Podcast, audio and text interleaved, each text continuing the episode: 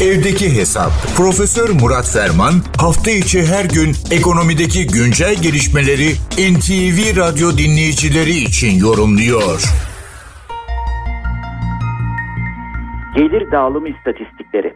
Türkiye İstatistik Kurumu'nun 2023 gelir dağılımı istatistikleri hiç şüphesiz 2022 yılının bulgularını kapsıyor. Çünkü gelir dağılımı istatistikleri sondan geliyor. Sondan geliyor ama uzunca bir müddet Türkiye'de gelir dağılımı istatistikleri yapılmamış. Hatta yasaklanmıştı. Çünkü gelir dağılımı istatistikleri milli bütünlük ve morali bozacak şekilde değerlendiriliyordu. Ama tabii birçok öncü ismin katkısıyla Profesör Doktor Melik Celasun hocamızı saygıyla, hürmetle anıyoruz. Milli gelir istatistikleri gene beraber mesai harcama şerefine eriştiğim Erdoğan Özöt'ün, Osman Hazinedar, Bilal Kaya gibi öncülerin Türkiye gayri safi yurt içi hasılasının iller itibariyle dağılımı 80'li yıllarda bütün bunlar bu çemberin kırılmasında çok önemli dönüm taşları. Bir kere daha hatırlatalım.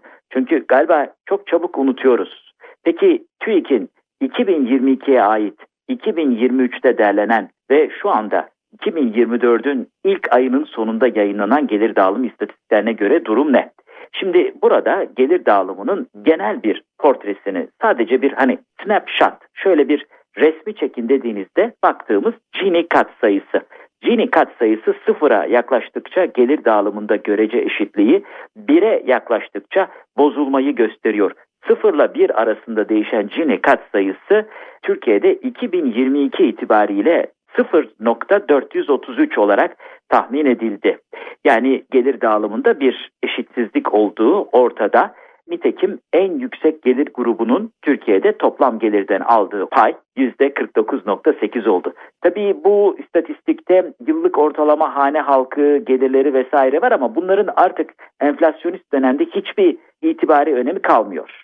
Ve bir önemli noktayı da söyleyelim. Bunlar tabii kayıt dışı ekonomiyi dikkate almadan kağıt üstünde ortaya koyulan unsurlar. Bu bakımdan mesela toplam gelirden en yüksek payı %48.5 ile maaş ve ücret geliri alıyor. Duy da inanma, oku da kanma. Çünkü kayıt dışı mesele burada özellikle ücretliler dışında yani ücretliler de kendi istek ve özgür iradeleriyle vergi vermedikleri kaynakta tevkif edildiği için böyle bir durum var. Yoksa gerçeğin başka olduğu ortada çünkü netice itibariyle zaten gelir dağılımında bütün bunlar ortaya çıkıyor. Değerli basın mensupları da, değerli ekonomistler de bu konuda değişik e, değerlendirmelerde bulunmuşlar. Onlara kısaca değinerek tamamlayalım.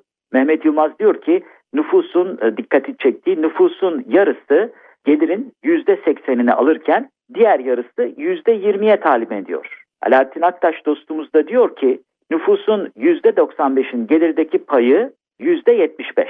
%5 ise %25'i alıyor. Yani nüfusun %95'i neredeyse tamamı dörtte üçü alırken dörtte biri ise diğer kısmı alıyor. Bu da müthiş bir eşitsizlik olduğunu gösteriyor.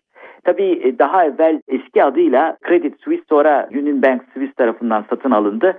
Bir İsviçre bankasının çok e, ses getiren servet araştırmasından daha evvel söz etmiştik. Kerim Rota dostumuz da tekrar onu hatırlatıyor. Diyor ki ülkemizde yaklaşık 60 milyon yetişkin yaşa gelmiş nüfusta Türkiye'de servetin %81'i nüfusun %20'sinde yani 12 milyon kişide yoğunlaşmış durumda. En zengin yüzde birin yoğunlaşmasında, yoğunlaşmasında ise Rusya'nın hemen ardından Hindistan'la beraberiz. Türkiye'de sadece 600 bin süper vatandaş ülke servetinin yüzde kırkına sahip. Son bir not Türkiye'de daha ziyade zenginliğin dörtte üçü gayrimenkullerde tutuluyor. Evet neresinden bakarsanız bakın gelir dağılımında böyle eşitsiz bir tablo var. Tabii bu kaydı bir kere daha hatırlatalım. Bu kayıt dışı ekonomi düşünülmeden, kayıt dışı ekonomi dışında demek ki kayıt dışı ekonomi düşünüldüğünde daha da vahim bir tablo ile karşılaşmamız işten bile değil. Bu genel bilgi paylaşımı çerçevesinde değerli dinleyenlerimize katma değeri yüksek ve yüksek katma değerli bir gün diliyor. Huzurlarınızdan hürmetlerle ayrılıyorum. Profesör Murat Ferman'la evdeki hesap sona erdi. Kaçırdığınız bölümleri www.ntvradio.com.tr adresinden dinleyebilirsiniz.